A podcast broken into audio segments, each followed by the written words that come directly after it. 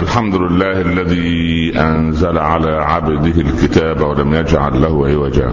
سبحانه له دعوة الحق حرص عليها وأوجب التبشير بها ولتكن منكم أمة يامور ولتكن منكم أمة يدعون إلى الخير ويأمرون بالمعروف وينهون عن المنكر وأولئك هم المفلحون. وأشهد أن لا إله إلا الله وحده لا شريك له وضع الحجة وأتم المحجة ويأبى الله إلا أن يتم نوره ولو كره الكافرون. وأشهد أن سيدنا وحبيبنا محمدا رسول الله. بلغ الرسالة وأدى الأمانة ونصح الأمة وكشف الغمة وجاهد في الله حق جهاده حتى أتاه اليقين. صل اللهم عليه وعلى آله وأصحابه وأزواجه وأتباعه الذين آمنوا ولم يلبسوا إيمانهم بظلم. أولئك لهم الأمن وهم مهتدون. أما بعد. أيها الإخوة المسلمون عشنا في الجمعات الماضية مع سورة الكافرون. وهي من أوائل ما نزل من السور والعجيب أن تأتي السورة التي تليها وهي آخر ما نزل من السور. لنثبت أو ليثبت بذلك أن ترتيب القرآن إنما هو توقيفي من الله سبحانه وتعالى. يعني سورة الكافرون من أوائل ما نزل. السورة التي تليها سورة النصر من أواخر ما نزل. ولكن الارتباط بين السورتين عجيب والأغرب أن سورة النصر وقعت بين سورة نزلت في الكافرين الذين غضب الله عليهم وبين يتليها يعني تلي سورة النصر سورة المسد التي تتحدث عن أقرب أقارب رسول الله صلى الله عليه وسلم تبت يدا أبي لهب وتب. وليس هذا الترتيب يعني كما نظن أنه هكذا ولكن يجب أن نقف قليلا ونحن كثيرا يعني نحن وأبناؤنا وزوجاتنا نردد في صلواتنا كثيرا هذه السور القصيرة حتى ندرك بعضا من معانيها فنقول بتوفيق الله وبعونه إن الله عز وجل أكرم نبيه صلى الله عليه وسلم كرما عجيبا. قال له إذا جاء نصر الله والفتح. العجب كما رأينا في الجمعة الماضية أن سورة الكافرون لم يذكر فيها اسم الله. قل يا أيها الكافرون لا أعبد ما تعبدون من الأصنام ولا أنتم عابدون ما أعبد وهو رب العباد عز وجل ولا أنتم عابدون ما أعبد ولا أنا عابد ما عبدتم لكم دينكم ولي دين. اذا القضية أن سورة الكافرون لم يذكر فيها اسم الله عز وجل. جاءت سورة النصر بعدها إذا جاء نصر الله. إذا جاء نصر الله والفتح. كأن رب العباد يقول لنا لم أذكر اسمي مع الكافرين كي لا يكون هناك ازدراء واحتقار لأن الله أغلق قلوبهم عن الحق عندئذ. لو ذكر اسم رب العباد عز وجل عند الكفار لاحتقروه ولكن عندما يذكر مع المؤمنين ومع رسول المؤمنين فيوقروه. هذا أمر. الأمر الثاني أن هذه عظمة القرآن في الحوار. لا أعبد ما تعبدون. لم يقل لهم ما الذي تعبدونه. ولا أنتم عابدون ما أعبد لأن الأمر يبدو أنه لا يعنيكم في شيء. فهنا ذكرت بهذا المنطق وهذا منطق يتعلم يجب أن يتعلمه أبناؤنا في قضية الحوار مع الآخر. جاءت سورة النصر إذا جاء نصر الله والفتح. اعلم أن مقام النبي صلى الله عليه وسلم عند ربه عظيم. فمن كرم الله عليه أنه لم يذهب إلى النصر لا وإنما جاء النصر إليه. كما أن الأنبياء كموسى كريم الله مثلا سعى إلى الرسالة. قال لأهلهم كثوا إني أنست نارا لعلي آتيكم منها بقبس أو أجد على النار هدى فلما أتاها نودي يا موسى إني أنا ربك فاخلع عليك إلى أن قال له وأنا اخترتك فاستمع لما يوحى. فكأنما سعى سيدنا موسى إلى الرسالة لكن الرسالة سعت إلى رسول الله. جاءه جبريل اقرأ ما أنا بقارئ اقرأ ما أنا بقارئ فيغطه إلى صدره ثلاث مرات اقرأ ما أنا بقارئ لما قال ما أقرأ قال اقرأ باسم ربك الذي خلق. هذا أمر. سيدنا موسى طلب من ربه عندما بلغ بأنه رسول طلبات معينة من أولها أن يشرح الله له صدره. قال رب اشرح لي صدري ويسر لي أمري واحلل عقدة من لساني يفقه قولي واجعل لي وزيرا من أهلي هارون أخي أشدد به أزري وفي قراءة أشدد به أزري أشرك في أمري كي نسبحك كثيرا ونذكرك كثيرا إنك كنت بنا بصيرا. قال قد أوتيت سؤلك يا موسى. يعني الله استجاب دعاء سيدنا موسى. فلم يشرح صدره إلا بعد الإيه؟ الدعاء. أما رب العباد ممتنا على حبيبه يقول ألم نشرح لك صدرك دون أن تسأل؟ هذه هذه يعني سبحان هذا مقام رسول الله صلى الله عليه وسلم. يعني هذا مقام أمير الأنبياء عليه الصلاة والسلام. فضاقت عليه الأرض. مات أبو طالب وبعد ثلاثة أيام ماتت خديجة وبعد ذلك ذهب إلى الطائف فقذفوه بالحجارة. فكأنما ضاق صدره.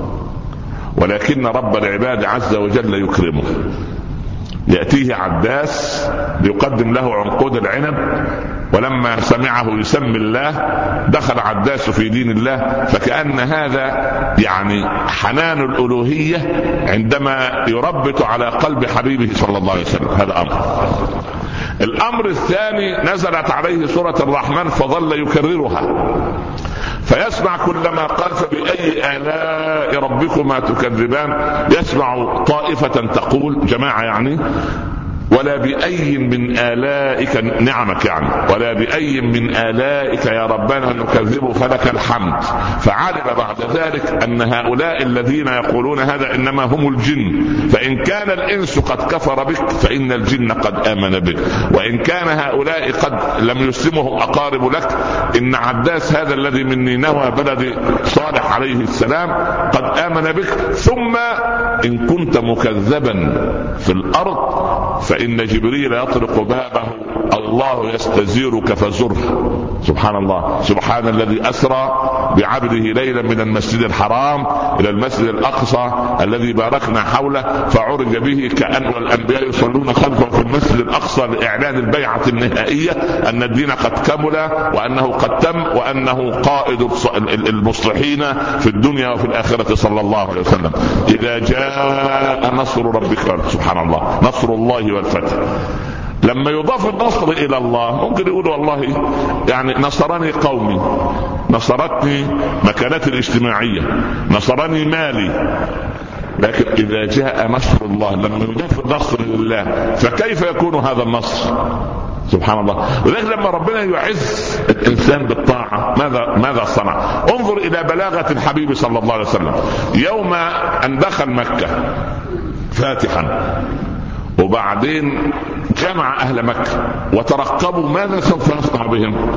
اهانوه وظلموه وقيدوا وضيقوا عليه وعذبوا أصحابه ثم خرج من بينهم وقاتلوه وحاربوه وقتلوا من أتباعه. ماذا تظن؟ ما تظنون أني فاعل بكم؟ ماذا يكون الرد؟ قالوا أخ كريم وابن أخ كريم. هل الأخ الكريم وابن أخ كريم؟ ساعة من عشرين سنة فاتت. كان هو نفس الأخ الكريم. وابن الأخ الكريم أم, أم كان غيره؟ سؤال. هل هو نفس الشخص أم أن الشخص قد تغير؟ الشخص هو هو. يعني هو في مكة. كان محمد بن عبد الله ثم ذهب إلى المدينة. صار آخر ولا محمد بن عبد الله في مكة ومحمد بن عبد الله في المدينة؟ هو نفس الإيه؟ نفس الشخصية صلى الله عليه وسلم. فلماذا قالوا أخ كريم وابن أخ كريم؟ عند لحظة الضعف أكبر من أمامي. طب إذا كان هو أخ كريم وابن أخ كريم فلماذا قتلتموه ولماذا حاربتموه؟ فانظر إلى عز الله عندما يعز عبدا قال اذهبوا فأنتم الإيه؟ فأنتم الطلقاء. دقق في كلمة الطلقاء. بالله عليك لما تقرأ حديث أو آية توقف عند الألفاظ. لماذا لم يقل اذهبوا فأنتم العتقاء؟ اذهبوا فأنتم أحرار. الطلقاء جمع مطلق. وصفة مطلق هذه أن المطلقة تحتاج لأن لو كان اذهبوا فأنتم عتقاء. عندما يعتق السيد عبده يذهب حرا أينما كان يعني هو يعتقه في مكة. يحب يذهب إلى العراق يذهب إلى الشام يذهب إلى أوروبا يذهب إلى كينيا يذهب إلى المغرب يذهب إلى مكة لأنه حر. لكن المطلقة إذا طلقت لا يحل لها أن تترك بيت الزوجية إلا بعد انقضاء فترة العدة والسماح لها فكأنما عندما نزع سلاحكم وأصبحتم ضعفاء بكفركم فأنتم كحكم المطلقة يجب أن تقيموا في مكة حتى تثبت لنا حسن نواياكم ألا تحاربوني مرة أخرى. أنتم الطرفاء انظر, انظر إلى عزة عزة الإسلام. وسبحان الله الإنسان لما يتأمل في هذا إذا جاء نصر الله والفتح. ورأيت الناس يدخلون في دين الله أفواجا. القضية مزروعة من قبل ثمرة لكن في شجرة مزروعة على مدى 21 سنة فاتت. هذه الشجرة التي سقاها النبي صلى الله عليه وسلم بحكمته وبأدبه وبحسن قيادته وبصلته بربه وبتربيته لتلاميذه ومريديه ترى يا محمد أن الناس سوف يدخلون في دين الله أفواجا. فتتعدد نعم الله عليك يا محمد لأنك في العام الذي ولدت فيه أرسلت طيرا أبابيل حموا هذا البيت حتى تأتي أنت رسولا لتكون حامي الحمى لبيت الله عز وجل بعد رب العباد. سبحانه العام اللي ولدت في عام الفيل قتلت لك ابرهه ونزلت الطير الأبابيل. وماذا أبدلت؟ أبدلتك أنت مكانه. أبدلتك نصرا من عندي إذا جاء نصر الله والفتح. ورأيت الناس يدخلون في دين الله أفواجا. فإذا دخلوا في دين الله أفواجا صاروا عند الله أعظم من الملائكة فكأنني عندما أرسلت الطير الأبابيل لتحمي البيت الحرام أرسلتك إلى هؤلاء ليتحولوا من طائفة البشر إلى طائفة الملائكة عندما يصلي العبد منهم فهو عندي أفضل من الملائكة الذين لا يعصون الله ما أمرهم. إذا كرم الله على حبيبه صلى الله عليه وسلم. في هذه السوره عجيب إذا جاء نصر الله والفتح. ورأيت الناس أي ناس يدخلون في دين الله أفواجا. أمام هذه المنح عليك بثلاث يعني أعطيتك هذه الجوائز كلها فقابلها بجوائز أخرى. فسبح بحمد ربك واستغفره تسبيح وحمد واستغفار. من ضمن معاني كلمة تسبيح استحمام حتى في اللهجة العامية في الخليج وفي غيره يتسبح. سبح يعني إيه؟ يتطهر. فكأنما أنت كما طهرنا لك قلبك من الرجس والأوثان وطهرنا لسانك أن تقول القول الصادق فقط. عينك ألا تنظر إلى إلى الخير. وطهرنا أذنك ألا تستمع إلى الوحي. وطهرنا قدمي ألا تسير إلا إلى تعمير بيوت الله وأرض الله. وطهرنا يدك من أن تفعل بها الخير وتعطي بها الخير. عندئذ فسبح كي تتم النعمة عليك. فسبح بحمد ربك واستغفره طب لماذا الاستغفار؟ لأن الاستغفار إنما هو ارتفاع درجات. ولا يكون الاستغفار إلا بعد الطاعة. نحن عندنا قاعدة أن نستغفر عند المعصية هذا شيء طيب. لكن الاستغفار استغفار أهل الإيمان استغفار المسلم يذنب فيستغفر. لكن استغفار المؤمن والمحسن إذا صنع خيرا فيستغفر. لماذا؟ لماذا؟ بعد الصلاة. الصلاة عبادة أم معصية؟ عبادة. طاعة أم انحراف؟ طاعة. لكن بعد أن تسلم ماذا تقول؟ السلام عليكم ورحمة الله. السلام عليكم ورحمة الله. ثم تقول أستغفر الله العظيم. كأنني أستغفر بالنقص العبادة ألا تكون عبادة كاملة لك يا رب. بعد الحج. ثم أفيضوا من حيث أفاض الناس. يوم عرفة يغفر لكل الحجيج ولكل من استغفر له الحديث فيفيض أهل عرفات من عرفة إلى المزدلف. فيقول لهم ربهم ثم أفيضوا من حيث أفاض الناس. ها. واستغفروا الله. الاستغفار جاء متى؟ بعد تتمة النعمة. فكأن العبد كما قال صلى الله عليه وسلم اكثروا من الاستغفار فإني أستغفر ربي في اليوم مئة مرة. قالوا حتى أنت يا رسول الله. قال أفلا أحب أن أكون عبدا شكورا؟ غفر له ما تقدم من ذنبه وما تأخر. لكن كان يستغفر في اليوم كم مرة؟ سبحان الله ونحن للأسف الشديد كما قلنا من قبل كان الولد ملتزم. فكان إذا رأى منظرا سيئا نظر فاستغفر. بعد مدة لو أدام النظر يعني غض الأول يغض ثم يستغفر. بعد مدة بدأت الذنوب تؤثر في قلبه فلا يغض ولكن يستغفر. إذا استمر على هذا فسوف ينظر ولا يستغفر والعياذ بالله. هكذا دركات المعصية. الأول يغض ويستغفر.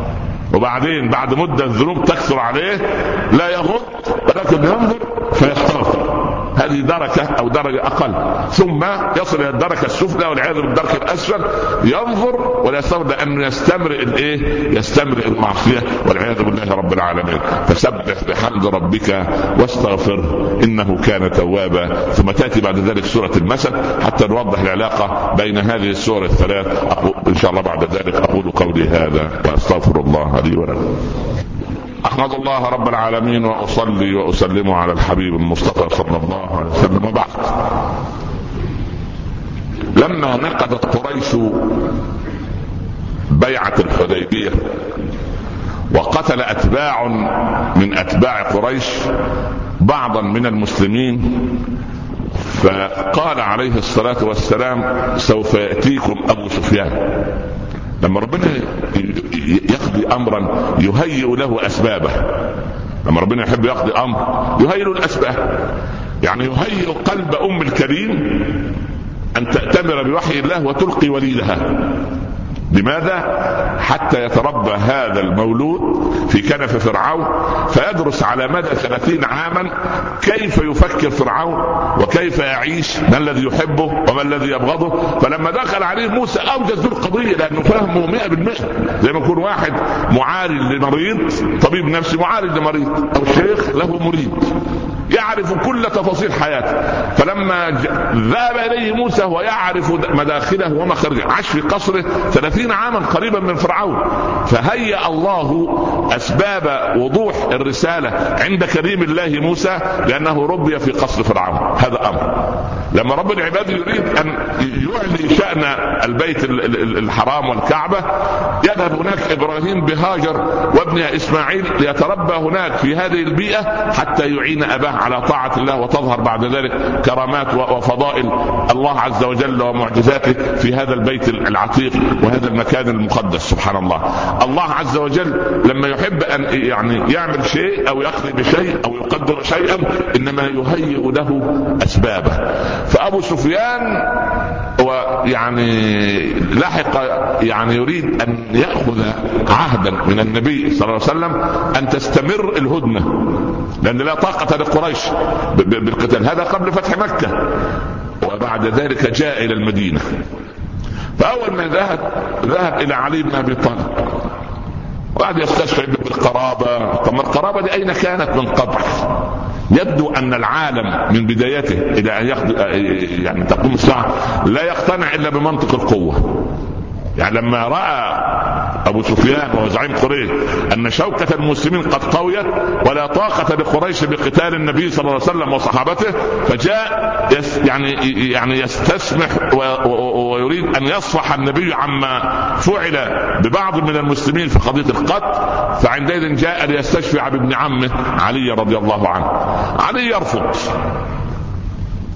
يذهب للعباس يرفض لأبي بكر يرفض. يذهب إلى فاطمة أم الحسنين رضي الله عن آل البيت جميعا. ترفض. قال أذهب إلى ابنتي أم حبيبة رملة. رملة هذه كانت تأيمت في الحبشة. مات زوجها وكان من علية القوم. فخطب بعد انقضت العدة خطبها النبي صلى وتزوجها. وما كان ما زال أبوها زعيم قريش ومحاربا له. انظر إلى الإيمان ماذا يصنع. دخل أبو سفيان بيت أم حبيبة. ابنته. فأول ما رحبت به أراد أن يجلس على فراش رسول الله صلى الله عليه وسلم فطوت أم حبيبة فراش رسول الله. قال لقد أصابك شر كثير من بعد يا بنيتي في إن حد بنت أجي أزورها وأنا ربيتها وعلمتها والى آخره. قالت هذا فراش رسول الله صلى الله عليه وسلم وأنت نجس ولا يجلس على فراش رسول الله نجس أبدا. الإيمان ماذا يصنع في القلوب؟ يحول الإنسان إلى طاقة يحوله إلى قوة. والله يا بؤس من لم يتذوق طعم الإيمان. يا بؤس من لم يتذوق حقيقة الإيمان. يا بؤس من لم يتذوق حقيقة الصلة برب العباد سبحانه وتعالى. عندئذ فشل أبو سفيان في مهمته. فلما جهز النبي صلى الله عليه وسلم جيش الفتح ثم بعد ذلك توجه إلى مكة. هذا مدار حديثنا بعد الصلاة كي لا نطيل عليكم إن شاء الله رب العالمين. اللهم اجعل لنا أول يومنا هذا صلاحا وأوسطه نجاحا وآخره فلاحا. لا تدع لنا في هذا اليوم العظيم ذنبا إلا غفرته ولا مريضا إلا شفيته ولا عسيرا إلا يسرته ولا كربا إلا أذهبته ولا هما إلا فرجته ولا دينا إلا قضيته ولا ضالا إلا هديته ولا ميتا إلا رحمته ولا مسافرا إلا غانما سالما إلا وقد رددت. اللهم هي لبناتنا أزواجا صالحين ولأبنائنا زوجات صالحات واطرد عنهم شياطين الإنس والجن وفقنا والمسلمين لما تحب وترضى. اجعل هذا البلد آمنا مطمئنا وسائر بلاد المسلمين. اللهم أمن أوطاننا في كل مكان. أمن إخواننا في فلسطين وفي العراق وفي لبنان وفي السودان وفي الصومال وفي إريتريا وفي أفغانستان وفي كل أرض تعبد فيها يا رب العالمين. واختم لنا منك بخاتمة السعادة أجمعين. وصلى الله على سيدنا محمد وآله وصحبه وسلم. بسم الله الرحمن الرحيم. والعصر. إن الإنسان لفي خسر إلا الذين آمنوا وعملوا الصالحات وتواصوا بالحق وتواصوا بالصبر. صدق الله ومن أصدق من الله قيلا نكمل حديثنا بعد الصلاة إن شاء الله. أعتذر منكم الجمعتين القادمتين لأنهم من حق وناس آخرين إن شاء الله. ونلقاكم إن شاء الله الجمعة الثالثة التي بعدها. وأقم الصلاة. قوموا إلى صلاتكم يرحمكم الله. الله رب العالمين وأصلي وأسلم على سيدنا رسول الله صلى الله عليه وسلم. وبعد. كثير من المسلمين أو من المتمسلمين يعيبون على العلماء والدعاة لأنهم دائما لا يتحدثون إلا عن سيرة السلف الصالح فقط. تخيل أنت أن الدعاة كلهم تحدثوا عن واقعنا المر. الخطبه يكون شكلها إيه؟ نكد في نكد. غم في غم. لأن لو تكلمت عن المنافقين هتبص على ابن عمك اللي جنبك تقول الشيخ بيوصف فيه. صح ولا لا؟ لو تكلمت عن اكلت أموال اليتامى تذكر خالك الله يرحمه واخد بالك اللي اكل اموال فلان وفلان. فالواقع مر ولكن الكلام عن المثل العليا التي تجلت في سلفنا الصالح هو علاج لما نحن فيه. لن تصلح أحوالنا إلا بما صلح به أو صلحت عليه أحوال سلفنا الصالح. يعني تذكر أنت ضعف المسلمين في بداية الدعوة. هل ترى فرقا بين ضعف المسلمين في بداية الدعوة وضعف المسلمين اليوم؟ نفس الضعف بس في نقطة. المسلمون كانوا في إعداد العدة. ألم يأن للذين آمنوا أن تخشع قلوبهم لذكر الله وما نزل من الحق؟ بالله عليك. هل أحد التابعين ولا تابع التابعين كان في يديه حاسب آلي زي اللي عندك بحيث على زر معين. يطلع لك عشرة آلاف حديث مرة واحدة. لو كان هذا الحاسوب في يد الإمام البخاري رضي الله عنه كان يقضي ستة عشر عاما متواصلة يجمع أحاديث النبي صلى الله عليه وسلم. صح ولا لا؟ انت في برامج الأحاديث موجودة يذكر لك العنعنة ويذكر الحديث دراية والحديث رواية وبعدين علم الجرح والتعديل وعلم الرجال وبعدين يجيب لك اسم المحدث وأبوه وأمه وجده وعمن تعلم والحديث ده جاي من كم طريق وكم رواية كل هذا وأنت جالس مكانك رضي الله عنه رحمه الله الإمام البخاري قاعد يروح الشام ويروح مصر ويروح العراق ويروح الحجاز ويروح اليمن ويتنقل ويجمع الأحاديث ويشوف ويحقق.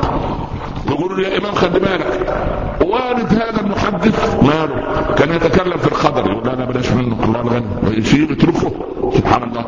وما كتب حديثا في صحيحه بعد ما جمع إلا واغتسل وتوضأ وصلى لله ركعتين. شوف شوف يا أخي كم تعب هذا الإنسان؟ وغيره وغيره وغيره. سبحان الله.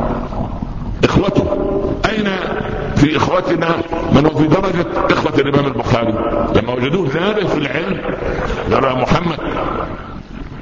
أنت تفرغ.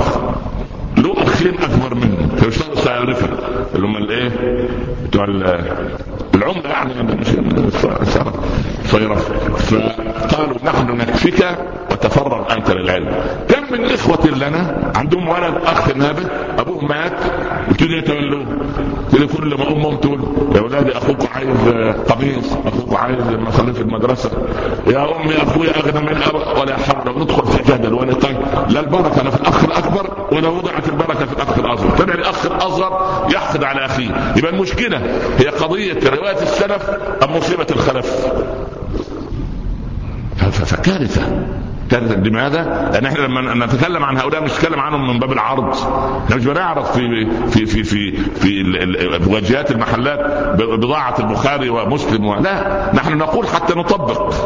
كلمة على الإمام البخاري ونشوف كل واحد الآن يفكر يقول آه طب لو أبويا ترك فعلا ولد نابه كده ممكن أنا أتولاه؟ طيب في أبونا كلنا ترك لنا إخوة صغار. أبونا آدم ترك لنا إخوة صغار في جميع بقاع الأرض في إندونيسيا وفي باكستان وفي المغرب وفي اسكندنافيا وفي وسط أفريقيا وفي كندا. إخوة صغار لنا. ونبيين بفضل الله. من منا يقول أنا طالما لم أرزق بولد أو ولدي دخل في قضية الهندسة والطب طب أنا أتولى الولد الفلاني ده. أتولى الإنفاق عليه. أين نحن من هؤلاء؟ عايزين نفعل هذا. فعلا إنما المؤمنون إخوة. إخوة هذه الأخوة العالية هذه الأخوة اللي, سبحان الله قال معاوية لحارسه من بالباب؟ قال يقول إنه أخوك. قال أخي زياد؟ قال لا ليس زيادا. ما لي اخ زياد أبو سفيان كان متزوج من من خلف من ظهر من خلف ظهر هند واحد وحده وخلف أدخلوه. دخل الرجل فصوب معاوية أمير المؤمنين وجهه في الرجل فلم يعرفه. ما شفتك قبل كده. قال من أنت؟ قال أنا أخوك. قال من لدن من؟ يعني أن أخوتي أنا وأنت مين يجمعنا؟ قال من لدن آدم. قال آه رحم مقطوعة. سأصلها إن شاء الله. اجلس اقعد. هو إحنا نوصل الرحم المقطوعة دي. فأين هذه الرحم؟ عندنا رحم الإسلام ورحم آدم ورحم العروبة اللي تجمعنا ورحم الدين ورحم القرآن ورحم الصلاة الواحدة ورحم الإمام الواحد. كذا رحم يجمعنا مع بعض. فما هذا الحقد؟ لماذا لا أدري. لماذا؟ لأن المناعة الإيمانية غير موجودة.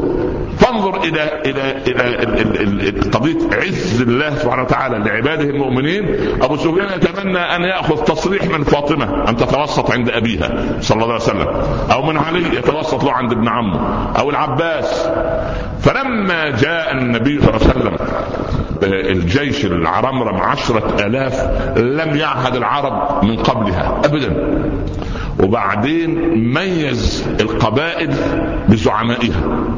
يعني الرسول كان يلغي قضيه القبائل عامة لكن في المعارك كان يميز القبائل دي قبيله مين؟ بكر دول مين؟ هوازن دول مين؟ سليم دول مين؟ مدحت سبحان الله أسد تيم عدي. يميزها ليه؟ قال لأن الناس لما تدخل في المعركة تقاتل اولا وأخيرا عن الإسلام ثم تقاتل حمية عن قبيلتها حتى يقال لقد هزمنا من قبل قبيلة كذا. كانوا يخافوا لكن القبائل العربية لما كانت تخرج للحرب قبل الإسلام كانت تخرج خلفها الايه؟ النساء والأطفال فالنساء يشجعوا الإيه؟ الرجال فالرجل آه ما أنا لو هزمت أختي وزوجتي وبنتي وامي يؤخذوا إيه؟ سبايا فيقاتل حمية عن الإيه؟ عن العرض مش أبوها معريها ودخلها على التلفزيون خد يا بنت تتفرج لا مش عايز تتفرج ما هو الديوث البعيد هتقول في إيه؟ هل, الدياثة؟ يا الله يا مؤمن كلما أرى رجلا يسير بجوار بنته العارية ولا زوجته ولا إله نقص قرنين. سبحان بس. بس ما يصبحش ذو القرنين لأن ذو القرنين كان رجل صالح. لا ذو القرنين ذو القرن الواحد حتى. سبحان الله. خرتيت البعيد. أي شيء. ما دياثة. سبحان دياثة. شيء شيء أغرب من الخيال. وقلت من قبل مرارا هل كان يجرؤ؟ أبو جهل فرعون الأمة أن يرى أم جميل أم جميل كان لها حضور في مكة تمشي في الشوارع وتتكلم وصوتها معروف وكانت امرأة كان أبو لا أبو لهب لا يخاف من أحد إلا من أم جميل أبو لهب الشرز ده كان يخاف من مين؟ من زوجته. خد بالك انت. فاهم انت. وانت كنتش واخد بالك ان ام جميل زوجة أبو لهب. ده عليك نايم. المهم ما علينا. هديك تستريحوا منه أسبوعين. خير وبركة إن شاء الله. شغل مخك في حتة ثانية المهم هل كان يجرؤ أبو جهل يجي كده يلاقي ام جميل قاعدة مع أبو لهب وهم هم الثلاثة إيه؟ كفار ومعادين لرسول الله صلى الله عليه وسلم ومن أهل النار كان ممكن أبو جهل يقول لأم جميل ممكن بعد إذنك بهذه الرخصة كان أبو لهب يعمل فيه إيه؟ ها؟ كان يخلص عليه. صح ولا لا؟ ها؟ يخلص عليه. لأن في حدود. إحنا تعدينا ما شاء الله الحدود. إحنا خرجنا خارج الحدود. فالقضية عمر الله يرضى عليه قاعد يقول إيه؟ تأخير الصلاة عن وقتها وعدم الخشوع في الصلاة واتقوا الله رب العالمين. فبكى الصحابة الحاضرين لعمر بكوا قال أمير المؤمنين تخوفنا بمن يصلي. الله ده إحنا كده ده أنت يعني إحنا بنصلي ونواظب وكده وأنت بتخوفنا من عدم الخشوع وتخوفنا من التقصير في الصلاة وتخوفنا فما بالك يا أمير المؤمنين بمن لا يصلي؟ قال أنا أحدثكم عن المسلمين عن المسلمين. يبقى شوف درجة عمر إيه؟ أنا كلامك عن المسلم اللي ناقص مش اللي مش مسلم. ما توحد الله يا مؤمن. لا إله إلا الله. فميز القبائل وخلى كل قبيلة لها علم. وبعدين جاء أبو سفيان واستأذن على النبي صلى الله عليه وسلم. فأذن له جاب معه مين؟ يشفع العباس. هو صديق للعباس. والعباس كان له مقام كبير عند حبيب الله صلى الله عليه وسلم. كان له مقام ضخم جدا. فقال ائذن لأبي سفيان فأذن له. فقال يا أبا سفيان أما آن لك أن تشهد أن لا إله إلا الله؟ خلاص يعني خلصت العداوات وبدات تفيق وتصحى. فالعباس يلكزه. عمر قاعد على يمين الرسول صلى الله عليه وسلم ماسك السيف حراسه خاصة. أبو بكر واقف على باب الخيمة حارس خاص شخص ما حد يدخل إلا بعد إذنه. وبعدين العباس يلكز أبو سفيان يقول له أسلم قبل أن يقطع رقبتك عمر. عمر قاعد الرسول حنين الرسول كله حنان هيعديها لك ويسكت ويصبر عليك الراجل ده مش ما يعرفش الكلام ده. خش قبل ما سبحان الله. فقال أشهد أن لا إله إلا الله. قال له وأني رسول الله. قال في النفس منها شيء. شوف شوف شوف. الصراحة يا أخي. صراحة لسه ما سبحان الله. قال يا أبا سفيان أسلم قبل أن ينزل الله بك من النكال ما أنزل بالوليد من الوليد بن المغيرة. قال شوف بدأ الإيمان إيه؟ دفقات الحنان تدخل. قول ما أحلمك. وما أعظمك وما أجملك وما أعظم دعوتك وأشهد أنك رسول الله. فالرسول عايز يكمل له العلاج. قال له يا عباس يا عم خذوا عند مضيق الجبل وأوقفوا عشان يشاهد العرض العسكري. عشان أبو سفيان لو الشيطان عايز يلعب بالدغ في قضية إيه تتمسح تماما. المهم اوقفوا العباس نسابة يعرف الناس من وجوهها ويعرفها من لهجتها والعرب كان لهم لهجات.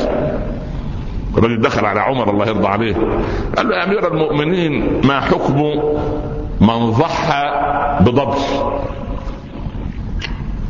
وضع مكان الضاد إيه؟ ضاء. ومكان الضاء ضاد هي من ضحى بإيه؟ بضبط. قال له ما حكم من ضحى بضبط؟ قال له لعلك تقصد من ضحى. مش من ضحى من ضحى بالضاد. يا ربنا يقول والضحى مش والضحى. قال يا أمير المؤمنين إنها لغة. فوضع عمر يده على رأسه. خلاص مش لغة إنما إيه؟ لغة. خذها سبحان الله. ولما جاء وفد حمير قدم النبي إليهم طعاما وكانوا عدة القوم. فلم يمدوا أيديهم. قال ما لكم؟ قال أنا صائمون. إحنا صيام سنة صيام النفل يعني. قال عليه الصلاة والسلام ليس من أم بر أم صيام في أم سفر. أبو بكر قاعد أبو بكر ده إيه؟ رحالة ويروح ويجي ويصلح. فما فكر الرسول يتكلم لغة غريبة معقول يا رسول الله؟ ففغر أبو بكر فهم فأول ما الرسول قال الجمله دي ليس من أم, أم بر أم صيام في أم سفر مد القوم أيديهم. هو الرسول قال لهم إيه؟ قال قال ماذا قلت يا رسول الله؟ هو إيه؟ ما أنت قلت إيه؟ عملوا؟ في إيه القضية دي؟ قال هؤلاء من حمير. وحمير عندهم هذه الكشكشه سبحان الله. ينطقون الألف لام ألف ميم. ليس من امبر امصيام في أي ليس من البر الصيام في السفر. ما عندهمش لام. لما تيجي اللام بعد ألف ينطقوها إيه؟ مين سبحان الله. زي الإخوة الشوام لما عايز يقول لك آه، آه، يعني آه، نحبك يقول لك منحبك صح ولا لا؟ هو ما, ينفي عنك الحب. صح ولا لا؟ الميم عنده الميم. لهجات. ويجب أن نحترم لهجات الناس. لكن عند القرآن وعند النصوص الشرعية يا ريت لهجة قريش التي نزل بها كتاب الله عز وجل. أبو سفيان واقف يسأل عن العباس. من هؤلاء؟ هؤلاء سليم. مالي ولسليم يعني سليم دول لا بيننا وبينهم حروب. ولا شيء. سليم دول سبحان الله. من هؤلاء؟ هؤلاء غطفان مالي ولا غطفان من بكر مالي ولا بكر. إلى أن جاءت الكتيبة الخضراء بتاعت النبي صلى الله عليه وسلم. 500 من المهاجرين الأوائل. والأنصار يحيطون بالنبي صلى الله عليه وسلم حراسة شديدة ولا يظهر منهم إلا الحدق متغطيين بالحديد الأخضر لدرجة أن ما يظهر منهم غير الإيه؟ عيونهم فقط. وقال الرسول أول أصدر قرار للجيش أول ما تيجوا عند مضيق الوادي أبو سفيان كبروا. هم يجوا عند المضيق وأبو سفيان يقول الله أكبر. أبو سفيان يعني كل الافكار تطير من رأسه. لازم يعمل له ازعاج نفسي عشان يهدى ما لابد ما أحيانا أن ترد الماء بماء اكيس دائما. يعني قلت لك أنا حكايه قبل كده.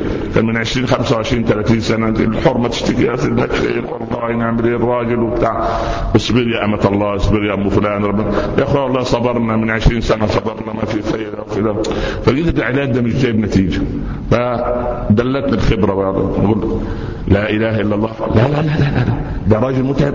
لابد من الطلاق. تقول لي يا شيخ ده في خمس أولاد طب خلاص اصبري هنقول له صبر صبر. نخش الطلاق على طول. لا لا طلاق خلاص خلينا نصبر ما, ما, ما. نقول الصبر لسه عند حارج ونلاقي ما فيش وقت خلاص. خلاص. طلاق لا طلاق يا شيخ خليك محضر خير. سبحان الله بهذا المنطق يعني. هنعمل إيه بس لله صلوا على رسول الله صلى الله عليه وسلم. فالمهم أول ما يجوا يكبروا أول ما يجوا يكبروا فقال هؤلاء المهاجرون والأنصار لكتيبة النبي صلى الله عليه وسلم فقال أعرفها. فابو اسمع على لماذا؟ اشمعنى تعرفها؟ قال إني أسمع صوت عمر. عمر بن الخطاب حتى في الدوشة اللي كنا صوته مغطي على الكل. لا إله إلا الله. تكبيره لا إله إلا الله. الله الأيام ما هو لما افتتحت مكة كان بني شيبة إلى الآن ربنا يبارك فيهم اللي معاهم مفتاح الكعبة. وكان واحد منهم حارس الكعبة قبل البعثة وإبان البعثة. فلما آه، جه الرسول صلى الله عليه وسلم كان يفتح الكعبة لعلية القوم يوم الاثنين ويوم الخميس. فيدخل أبو جهل وأبو لهب وعقبة بن أبي معيط وأبو سفيان والعباس علية ابو طالب. فجاء الرسول صلى الله عليه وسلم داخل معهم في بداية البعثة. فعثمان منعه. هو هذا الشيباني. بن أبي مظلوم. قال يا عثمان لم تمنعني؟ قال لا. أنت سفهت الهه أنت لا تدخل قال يا عثمان عسى رب العباد يوما يجعل هذا المفتاح في يدي اعطيه من أشاء وامنعه من أشاء. قال اذا يومها يا محمد بطن الأرض خير من ظهرها. شوف الحقد على الإيمان وعلى الكفر وعلى الإسلام من الكفر. لأنه ساعتها الموت أن المفتاح يبقى في يدك أنت. فلما وصل الرسول للكعبة عايز يفتح الكعبة ويدخل فراح عثمان بسرعة عند أمه. يا ام عثمان خبئي هذا. والعرب يحترم الحرمة. يا بلال يا أبا بكر اذهبوا إلى أم عثمان ائتنا بالمفتاح. قالت والله لو اقترب قالش والله واللاتي والعزى واللاتي والعزى لو مد أحدكم يده إلي لقطعتها وخبأته في سراويل أو في تكة سراويلها. يعني في إيه؟ من الداخل يعني. أو أولادنا بتوع مدارس اللغات يعني underwear يعني. سراويل ما لها سراويل لا لا under هذا والله اللي يمد ايده فرجع ابو بكر ما ما ما نفذوا الوصيه قال عمر أذهب وأنا يا رسول الله. يا الله. في آخر الدوائر كيف؟ في عمل في, في الآخر في عمليات جراحية. وعمر كان بتاع العمليات الجراحية. سبحان الله. يقول لك قالت السير فلما اقترب من بيتها نادى بصوته الجهوري يا أم عثمان! قالت هذا هو المفتاح يا ابن الخطاب. عم ما حدش ياكل مع الاسد ابدا. الاسد ما حدش ياكل امام القطار أم عثمان المفتاح. أخذ المفتاح. فسيدنا علي يقول اجعله لنا يا رسول الله. أعطينا مفتاحنا أهل البيت بني عبد المطلب السدانه والحجابة والرفادة والسقاية كانت عندنا. فأنت أعطينا كمان الإيه؟ هذا هذا الشرف. أين عثمان؟ قال نعم. عثمان هذا لسه ما دخل الإسلام. قال خذوها يا بنو شيبة تاركه إلى يوم القيامة. سبحان الله. إلى الآن. خلق دين تقترب الواحد من العائلة دول سبحان قمة الخلق قمة الأخلاق. هكذا صارت تاردة هذا من وفاء رسول الله صلى الله عليه وسلم. المهم فقال أبو سفيان بدأ يهتز لما شاف الجيش بهذا المنطق. سبحان الله. وأنا قلت لك قبل ذلك المعلم بتاع التاريخ دخل في الصف الخامس الابتدائي. وقعد يكلم الشباب عن الايه خمس ابتدائي بداية سن المراهقة 11 12 سنة. يقول لهم عن محمد الفاتح.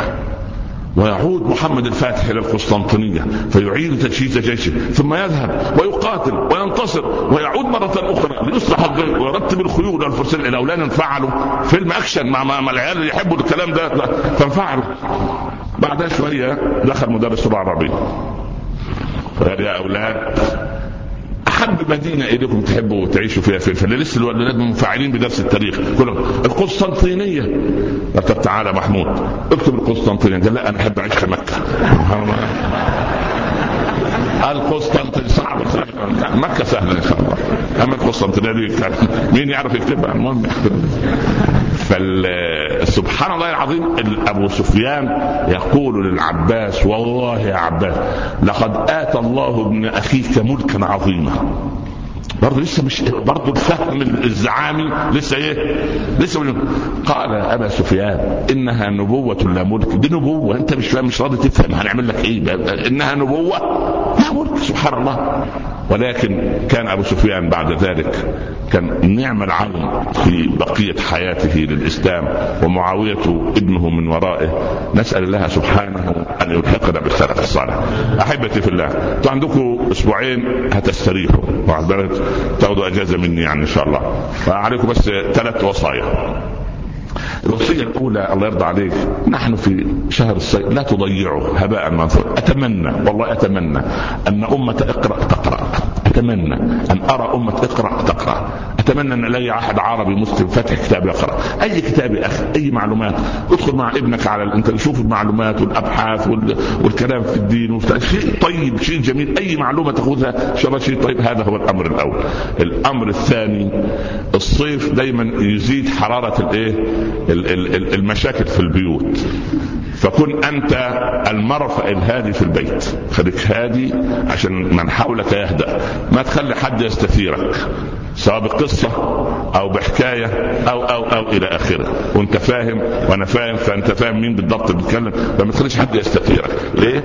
أنا أعمل إحصائية ألاقي أن مشاكل الطلاق في الصيف سبعين في المية زيادة عن مشاكل الشتاء. الشتاء الفضل مشغولة بالعيال وبالمدارس والحدوان البرد يخليك تكن شوية وتسكت شوية. في الصيف الناس فاضية لبعضها. فتح لبعض تعالى نروح نيجي المهم إيه؟ خليك أنت مرفأ هادي مرفأ هادي. الأمر الثالث شوف أي عمل تضع في ذهنك أنا عايز أعمل شيء للإسلام. شوف يا أخي اكفل يتيم. ابحث عن ولد نابغه في العيلة عندك قريب فقير قول أنا أتولى هذا الولد بعد الله بالإنفاق عليه لغاية ما ينهي تعليمه.